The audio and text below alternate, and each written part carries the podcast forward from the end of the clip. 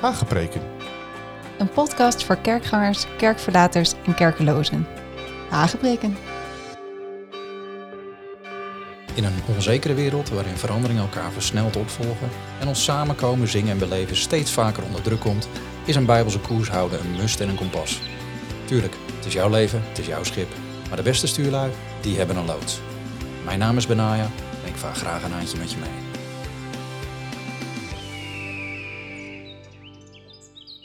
Hallo, leuk dat je weer luistert naar Hagepreken. Vorige keer hebben we een aanloopje genomen naar een onderwerp dat zeker niet mag ontbreken als je het hebt over het leren verstaan van Gods stem. En dat is profetie. Ik weet niet hoe het jou vergaat, maar hoe meer ik naar eh, de berichten kijk in het nieuws tegenwoordig, hoe meer ik denk, wauw, misschien is profetie nog wel veel relevanter op dit moment dan ooit. Het is een breed en boeiend onderwerp en het intrigeert zowel christen als niet-christen. Want profetie staat voor velen synoniem met toekomstvoorspelling. Zelfs niet-christenen zijn tegenwoordig, merk ik, benieuwd naar een boek bijvoorbeeld als Openbaringen en de eindtijdvoorzeggingen die daarin staan. Simpelweg omdat bijna iedereen zich gaandeweg ja, niet aan de indruk kan onttrekken dat de tijd waarin we leven steeds meer een apocalyptisch tintje krijgt. En vandaar ook dat ik ook door verschillende mensen al de vraag heb gekregen of ik niet eens het boek Openbaring zou willen doornemen. Nou, ik snap die vraag. Ik geloof ook dat het in deze tijd bijzonder relevant en misschien wel urgent is dat we een van de meest bekende profetische visioenen uit de Bijbel onder de loep nemen om ons goed te kunnen voorbereiden op de tijden die komen gaan.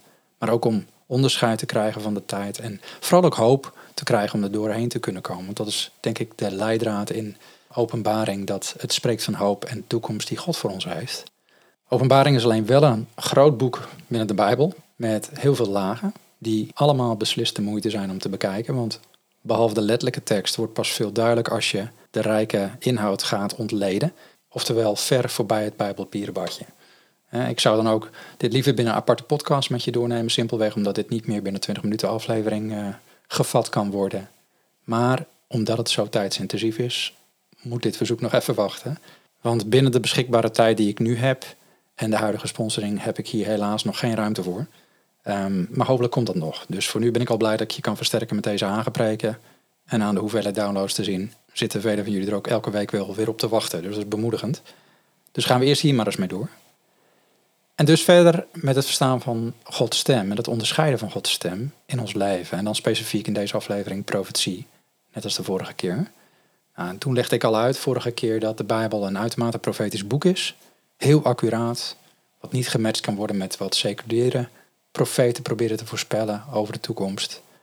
En het is boeiend om te zien hoe mensen dat wel steeds proberen te doen, om grip te krijgen op wat komen gaat in de wereld.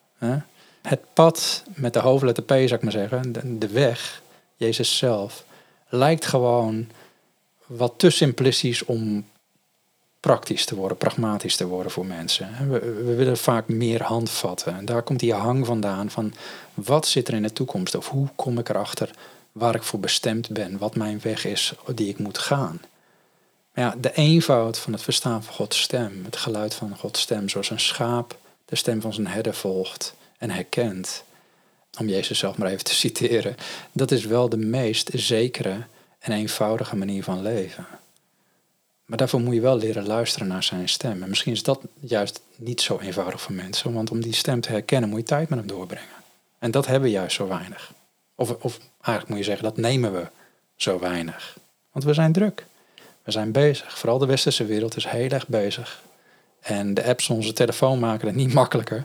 Want wie lukt het tegenwoordig nog om elke dag een moment stil te staan of stil te zitten? Of, of nou ja, goed, ik neem dan een hond mee, maar wie, wie kan een half uur apart zetten elke dag om met God alleen te zijn, om te luisteren? Dat is lastig. Dat is heel lastig. Als je trouwens wat bijgeluiden hoort, dat is de wind. Ik uh, zit hier uh, op de bovenverdieping uh, vlakbij de rivier, dus dan waait het nogal met open verbinding met de Noordzee. Dus dat ligt niet aan de opname. Maar goed, tijd. Wat hebben we tijd nodig? Wat, wat hebben we nodig om te, te luisteren naar zijn woorden? Juist nu, juist in deze tijd. Hij weet hoe hij ons heeft gemaakt. Hij weet wat er in ons zit, wat onze bestemming is, wat onze toekomst is. Hij weet waar we door zijn kracht toe in staat zijn. En dat is niet te vervangen wat hij je persoonlijk kan vertellen door een testje of door een theorie of door andere externe vormen. Hij weet namelijk ook wat we absoluut niet moeten oppakken of wanneer we iets moeten oppakken. Waarvoor het seizoen is dat we het ook kunnen oppakken. of dat het tijd is voor iets anders. Kijk maar naar het verhaal van Jozef. Jozef kreeg van tevoren al de preview waar hij voor bestemd was, maar het was nog geen tijd. Er moest nog een hoop gebeuren in hem voordat hij daarin kon stappen. En daarom zeg ik altijd, je wilt niet zelf in de toekomst kunnen kijken. Want je zou niet verder durven gaan als je ziet wat er voor nodig is om daar te komen. Dat weten we ook uit de verhalen van de Bijbel. als een Mozes of een Gideon van tevoren had geweten wat God later van plan was en wat ze zouden moeten doen, hadden ze er denk ik voor bedankt. Ze hadden in ieder geval niet geloofd dat het zo zou lopen of dat zij het zouden kunnen. Maar als de Heer God jezelf leidt, dan ontvouwt Hij zijn plannen en jouw bestemming op de tijd dat je het dragen kunt, onder zijn begeleiding. En Jezus zei het al, je kunt niet alles in één keer aan. Je kunt niet alles in één keer bevatten. Johannes 16 lazen we van waar hij zei, ik heb nog veel tegen je te zeggen, maar je kunt het niet dragen. Maar als hij komt, de geest van de waarheid, zal hij de weg wijzen en heel de waarheid. Hij zal je niet vanuit zichzelf spreken, wat hij gehoord heeft zal hij spreken. Ik heb de tekst vaker genoemd. En de toekomstige dingen zal hij u verkondigen. Hij wil dus van alles tegen je zeggen. Hij wil je van alles openbaren. Maar voor veel mensen is het net als met een Maria, het zitten aan de voeten van Jezus, wat lastig is. Vooral als de Martha's om ons heen als een malle bezig zijn met van alles en nog wat. Ja, dan is dat Maria-deel moeilijk te plannen in je agenda. Maar hij wil dat wel doen. Hij wil tot je spreken en dat wil hij ook door profetie. Maar hoe klinkt dat dan? En daar wordt het lastig, want heel veel mensen die op zich zich wel op dit terrein willen begeven, die worden soms een beetje op een, um, ja, op een zijspoortje gezet of op, misschien op een beperking gezet door een richtlijn die ze meekrijgen vanuit 1 Korinthe 14. En dat 1 Korinthe 14 vers 3 geeft een beetje een eenzijdig beeld. Juist door die tekst hebben heel veel mensen het idee gekregen dat profetie een soort christelijke toekomstvoorspelling is onder de leiding van de Heilige Geest, omkleed door een paar fijne, opbouwende bemoedigingen. want 1 Korinthe 14, vers 3, ik zal het even voorlezen, zegt wie profeteert, spreekt tot mensen woorden van opbouw, vermaning en troost. Of zoals de Bijbel in gewone taal zegt, maar als de Heilige Geest je een boodschap van God laat vertellen, kan iedereen je verstaan. Daarmee help je de ander, geef je hun raad en spreek je hun moed in.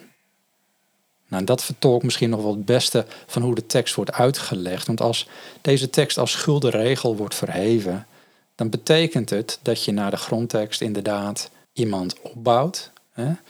Dat is opbouwen voor geestelijk voordeel of voortgang, het uh, oikodomee vermaand, het paraklesis in het Grieks, wat betekent een aansporing of een aanmoediging met als doel een stuk bekrachtiging en bevestiging van je geloof. En troost, paramothia, betekent vertroosten en aanmoedigen. Ja, dat is prachtig, allemaal lieve, fijne, ondersteunende, bemoedigende dingen. Vandaar dat wanneer profetische uitingen of profetieën de ruimte krijgen in christelijke groeperingen en kerken, je overwegend een fijne, positieve bewoording hoort. Met een kleine hint naar wat God wil gaan doen. Maar ondanks wat de hedendaagse norm is geworden en hoe uitingen van profetie worden beoordeeld door het genoemde filtertje, um, creëert dit exegese technisch toch een probleem. Het is namelijk altijd goed om je te herinneren dat, zoals de Bijbel ons leert, op het getuigenis van twee of drie staat een zaak vast, zegt de Bijbel. Oftewel, één tekst maakt nog geen doctrine. En zo'n tekst is uiteraard waar, 1 Korinthe 14 vers 3 is waar, maar niet per se het hele verhaal. De Bijbel is namelijk een heel complex, maar uitermate gedegen verzameling boeken, gebundeld in 66 boeken binnen één kaft. Maar daardoor bevestigt de Bijbel zich ook intern onderling. Daarom zijn bepaalde thema's en principes zichtbaar in het gros van deze boeken, hoewel ze wel door verschillende schrijvers zijn opgetekend in verschillende tijden en ook onder verschillende omstandigheden. Nou, om die reden vertel ik studenten en discipelen altijd waar de Bijbel luid en duidelijk over is, predik dat, onderwijs het veel. Maar waar de Bijbel nauwelijks of weinig over spreekt, weinig noemt, maak er alsjeblieft geen doctrine van. Maar laat profetie nou eens een van de best beschreven uitingen van de Bijbel zijn. Er ligt zoveel materiaal in de Bijbel waaraan we kunnen zien hoe een profetie te herkennen is als van God. En hoe het profetische klinkt en wat het uitwerkt. Alleen daardoor al kun je met zekerheid stellen dat profetie sowieso meer is dan alleen bemoediging en het voorzeggen van toekomstige dingen. En daardoor, als je de hele Bijbel doorleest, dan zie je ook dat profetie of het profetische ook niet iets is wat per se een vast format heeft. Zo van een kerkdienst, waarin eerst uitgebreid gebeden of aanbeden moet worden, zodat de atmosfeer zogezegd klaar is voor profetie, of waardoor geprofiteerd kan worden, zoals sommige groepen dat noemen, onder een bepaalde zalving. Dat is een heel populair woord. Ehm, maar profetie behoeft dat niet per se. Het hoeft ook geen zachte aanbiddingsmuziek. er is geen eindeloze herhaling van bepaalde refreintjes of een heel lang en hard bidden in tongen of geestelijke talen zoals sommige groepen gewend zijn. Dat is daar niet per se voor nodig. Sterker nog, profetie is niet eens te vatten binnen die bepaalde setting. Zoals een dienst of een conferentie. Het hoeft zelfs niet van vanaf een podium te worden uitgesproken door een speciaal persoon die dan iemand naar voren roept een hand op een hoofd legt en vervolgens allerlei woorden uitspreekt. Dat kan wel, maar dat is niet een vast format. Want hoewel Paulus ons richtlijnen geeft voor profetie in 1 Korinthe 14, ten aanzien van hoe dit veilig kan, hoe het veilig kan worden gedaan binnen de gemeentesetting, dat is twee of drie profeteren en dan de, de andere toetsen, et cetera, is het binnen de Bijbel zeker niet beperkt tot kerksetting. De Bijbel spreekt namelijk van profeten, nou om een paar te noemen, die een tamboerijn pakken op het strand en profetisch zingen over de daden van God, hè? Mirjam, de profetes. Profeten die stinkend van vissenmaagzuur een wereldstad intrekken en mensen middels profetische prediking waarschuwen, zonder enige vorm van bemoediging overigens, hè? zoals Jona. En profeten die kameelharen jassen dragen en met springhanen tussen de tanden de religieuze establishment profetisch gaan vermanen in de woestijn. En dan ook nog eens een keer seculiere machthebbers zoals Herodes aanspreken op een immorele gedrag zoals Johannes de Doper. Of profeten die je de riem letterlijk uit de broek halen en daar je handen mee binden en middels zo'n profetisch dramastukje enkel spreken over het onheil wat jou te wachten staat. Wat Agabus doet met Paulus. Nou, stuk voor stuk profetische uitingen in een hele andere setting. En ik herken dat. Zo heb ik zelf ook eens een keer een merkwaardige ervaring gehad met profetie. Op het moment dat ik het niet verwachtte. Het was in een tijd dat ik in het Midden-Oosten woonde. Dat ik een keer een van onze teams in uh, Israël opzocht. En het was precies in een periode dat ik door de geheime dienst in het land waar ik destijds woonde was gescreend. En nauwlettend in de gaten werd gehouden. En ik kan je eerlijk zeggen dat zoiets best intimiderend werkt. En daarom had ik voor mezelf eventjes een break nodig. En ik denk, nou, ik ga naar Israël. Waar we ook twee teams zitten. En ik denk, ga even wat vrienden bezoeken.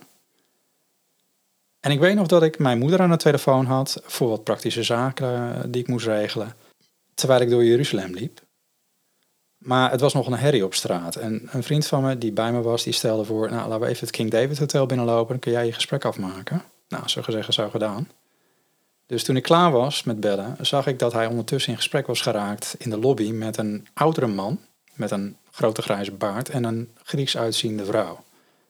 En ik voeg me dus bij dit gezelschap en ik wou me net voorstellen toen deze man zonder zichzelf te introduceren ineens over me begint te profiteren. Ik had nog nooit zoiets meegemaakt. Ik had deze man nooit eerder gezien en dat was wederzijds. Hij herkende mij ook niet. En toch was het net alsof hij mijn, dagboek had gelezen. Ik bedoel, hij sprak zo accuraat dingen uit over wat ik had gedaan, over waar ik mee bezig was, waar ik mee worstelde, maar ook hoe God me verder zou leiden. En dat God me zou beschermen. Ik was behoorlijk overdonderd. En hoewel het voelde alsof een volslagen vreemde een soort geestelijke röntgenfoto van je had gemaakt, ervoer ik ook wel de liefde van God en, en de zorg van God door zijn woorden. En het verbaasde me eigenlijk dat God een volslagen vreemde gebruikte om mij op die manier te bemoedigen en te bevestigen. Al zaten er ook wel woorden bij die ik dus minder leuk vond, maar waarvan ik wel wist, ja, dit is wel waar. En hier, hier moet ik wat mee. Maar zo kan het dus ook. En dat is dus iets wat ik mensen ook altijd voorhoud. Profetie is iets bovennatuurlijks. Het is iets wat in elke setting kan worden gepraktiseerd. En God zal zijn profetisch stemgeluid dus niet achterhouden omdat er geen aanbiddingsmuziek klinkt of omdat je toevallig niet in de kerk zit. En ook belangrijk, al is profetie bovennatuurlijk, het is beslist niet spooky als je begrijpt wat ik daarmee bedoel. Het is niet omgeven met een soort mystieke sfeer of zweverigheid. Ik ben genoeg mensen tegengekomen die zogezegd profetisch zouden zijn, of zichzelf zagen als profeet, waarvan een kind zelfs kon concluderen: ja, je bent gewoon een beetje apart, een beetje raar. En niemand durft het eigenlijk dan te zeggen, maar iedereen denkt hetzelfde. Maar ik geloof sowieso dat hoe geestelijker je bent, hoe meer benaderbaar je wordt. Kijk maar naar de Heer Jezus. Echt iedereen liep met hem weg.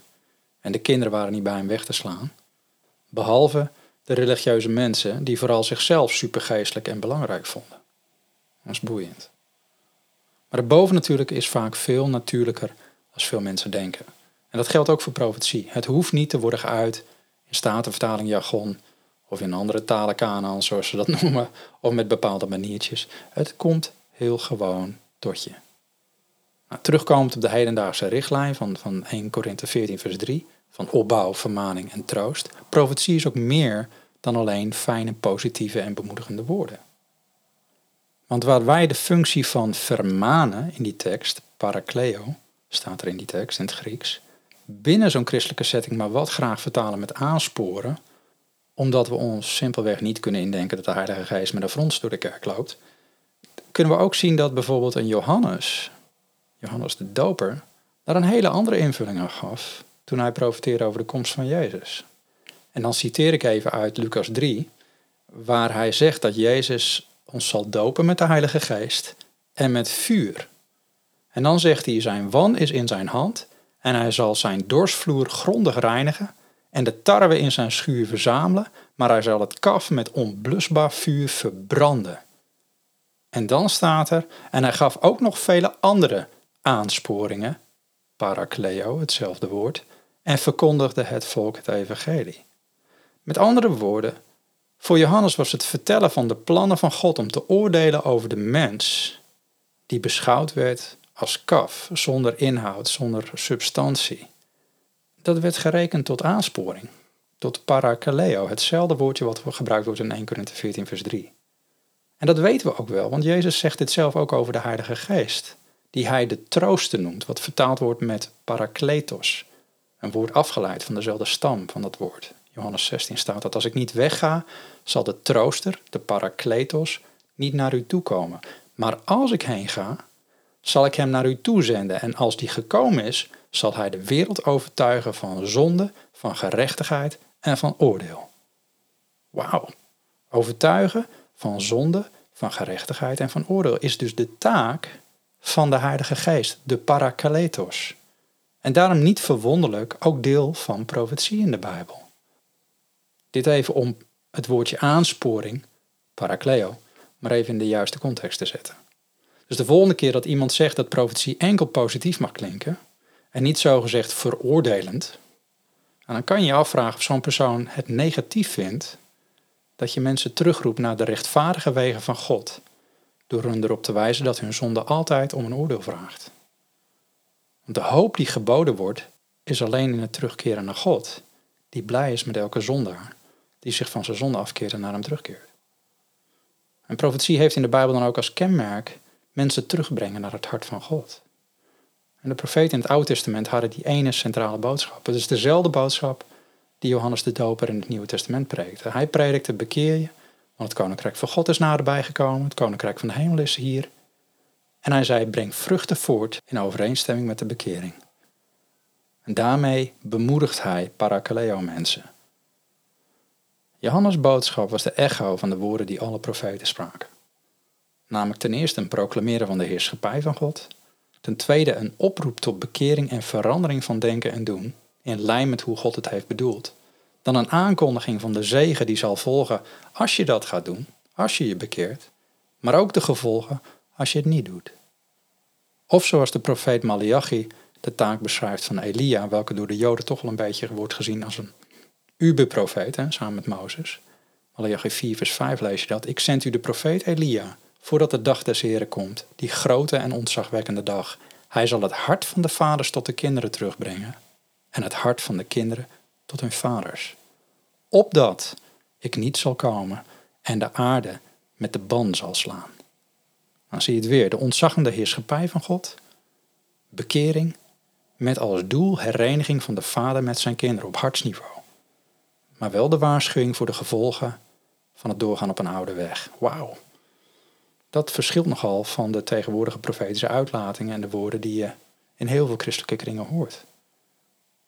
Misschien moeten we daarom dat woordje vermaning, paraklesis, en het aansporen en aanmoedigen zoals de Heilige Geest de parakleten doet, maar ook zijn vertroosten en aanmoedigen in het Nieuwe Testament, toch eens plaatsen in de context van hoe dat eerder werd gedaan door hem. Petrus zegt dat profetie destijds niet is voortgebracht door de wil van een mens, maar door heilige mensen van God, door de Heilige Geest gedreven. Oftewel, de Heilige Geest is niet pas begonnen met profiteren door zijn mensen in het Nieuwe Testament, in 1 Korinthe 14. Hij doet dit al een hele tijd. En hij doet het op die manier. En als Jezus profiteert, dan zien we hetzelfde. Als je Matthäus 11 neemt bijvoorbeeld, dan profiteert hij aan een aantal steden, Chorazin en Bethsaida. Dat andere steden, zoals Tyre, Sidon en Sodom, nou iedereen kent Sodom als een verschrikkelijke, immorele, zondige stad. Maar hij zegt ervan, die hadden zich al lang bekeerd in zak en as bij het zien van de wonderen die Jezus deed. En over Capernaum profiteert hij vervolgens dat zij tot de hel zou worden neergestoten, omdat Sodom bij het zien van zulke krachten als Jezus tentoonspreidde, wat spreekt van de almacht van God, dat het anders had gereageerd.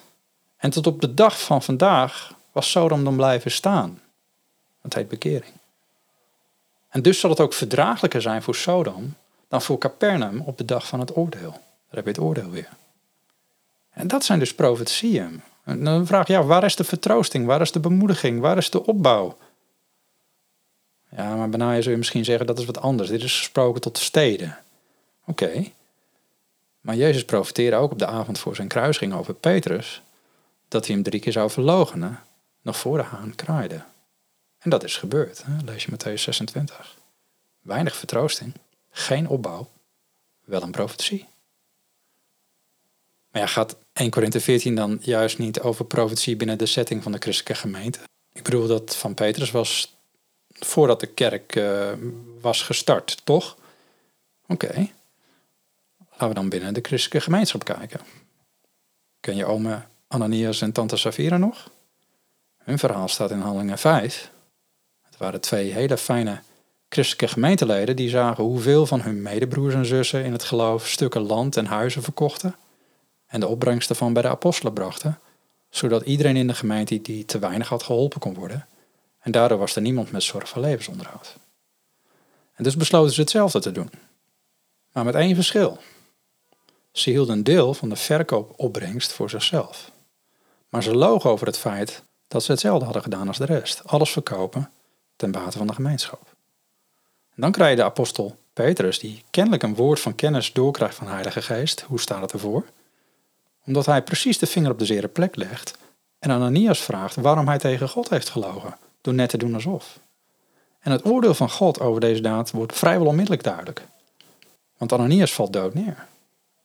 En daarop komt zijn vrouw Safira binnen en Petrus vraagt haar naar de opbrengst van dat stuk land, waarop zij bevestigt dat het inderdaad de hele opbrengst is. En opnieuw spreekt Petrus de woorden uit dat zij de geest van God hebben verzocht.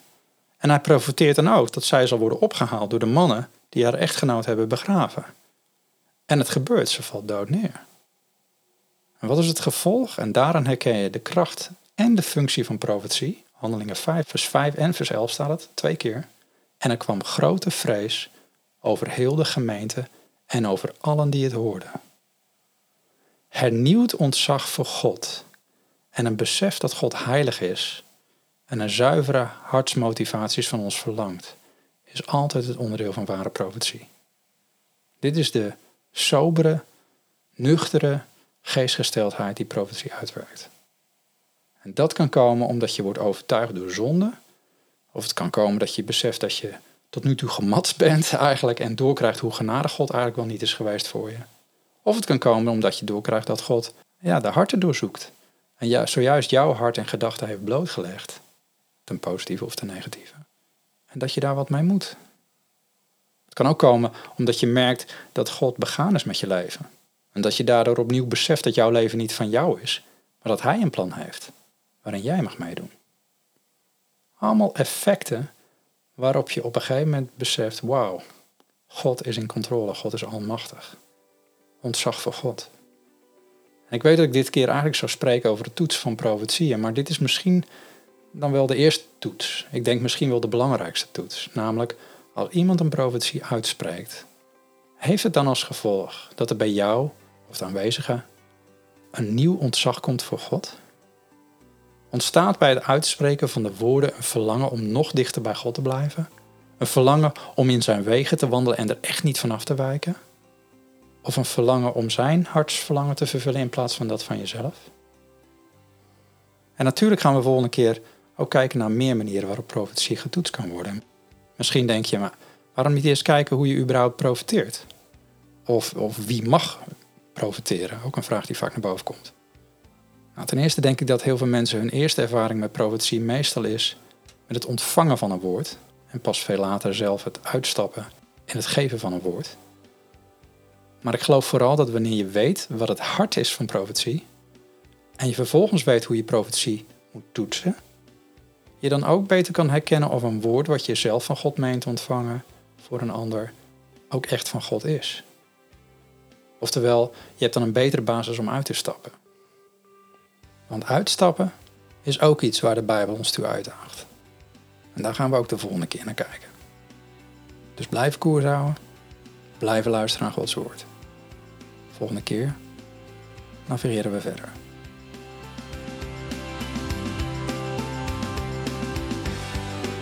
Heb je vragen, opmerkingen of aanvullingen? Surf even naar saintcanine.com en vul het contactformulier. Voor de continuïteit en uitbreiding van deze podcast zoek ik nog altijd sponsors. Kan ook via de site saintcanine.com, via PayPal of Waardeal. Wordt erg gewaardeerd. Dankjewel.